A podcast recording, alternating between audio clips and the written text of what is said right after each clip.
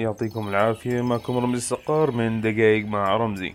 موضوعنا اليوم له دخل في دافع عن نفسك لا تصمت. للأسف الموضوع يمكن تشوفوه عادي ولكنه موضوع جدا مهم.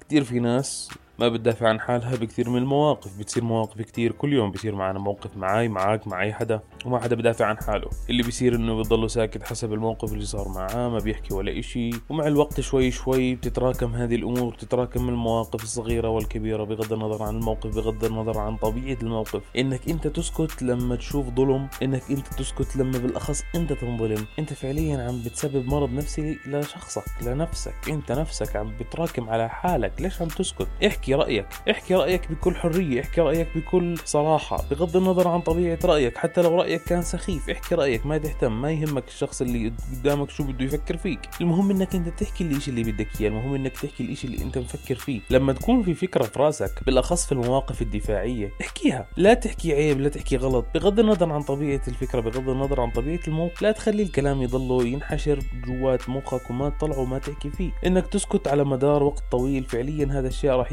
يأذيك بلحظة معينة. لذلك ابدي رأيك ابدي رأيك بغض النظر عن طبيعة رأيك حتى لو رأيك ما حدا حابب إنه يسمعه ابدي برأيك احكي لا تسكت. لازم تعرف إنك لازم تحط للناس كلياتها حدود بيعرفوا وين يوصلوا معاك فيها يوصلوا لحد معين وخلص قف.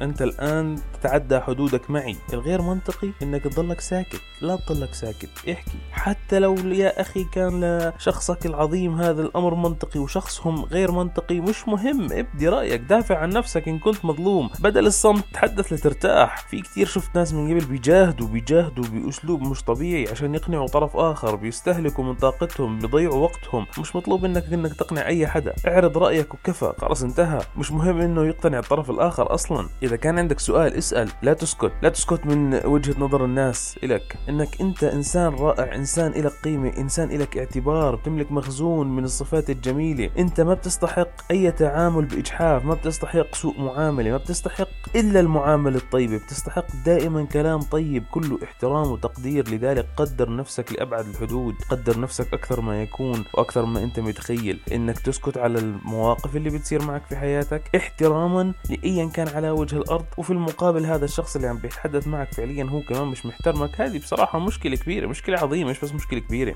لا تسكت. أنت لما تسكت بتعطيهم مجال إنهم يتمادوا عليك أكثر لا تخلي الناس تتمادى عليك بزيادة. بعرف كثير ناس في حياتي أنا تعرفت عليهم من أصدقاء أو من خلينا نحكي ممكن أشخاص في العمل مثلا قابلتهم. في لحظات معينة كانوا يحكوا معي بأسلوب غير منطقي وكنت أضل ساكت. أضل ساكت ليش؟ طبعا احتراما. تعرفوا حياة ولازم إنك تحترم الشخص اللي بيتحدث معك. ولكن وجدت فيما بعد إنه الناس هاي صارت تطلع لي بنظرة مختلفة تماما. أنا رجل ليس هش بل قوي ودائما قوي. وجدت إنه أنتم بتطلعوا علي بأسلوب إنه أنا الزلمة المسكين أو إنه أنا الزلمة اللي ما عندي قدرة دافع عن نفسي. لا عندي قدرة دافع عن نفسي. دخلت عليهم وحكيت معاهم. ما وبختهم. لا ضليتني باحترامي ولكن ابديت رأيي بكل قواي لدرجة إنه بعد ذلك أصبحوا لما يطلعوا علي يكنوا إلي كل احترام. مش حلو الناس تخاف منك لأنك إنسان ظالم. حلو الناس تهاب تحكي معك لأنك إنسان عادل. بيعرفوا إنك دغري بيعرفوا إنك صاحب رأي. بتعطي رأيك ما بهمك لا صغير ولا كبير. هذا الشيء صحيح 100% طبعا ما بحكي لك إنك تتمادى على أهلك على أمك على أبوك على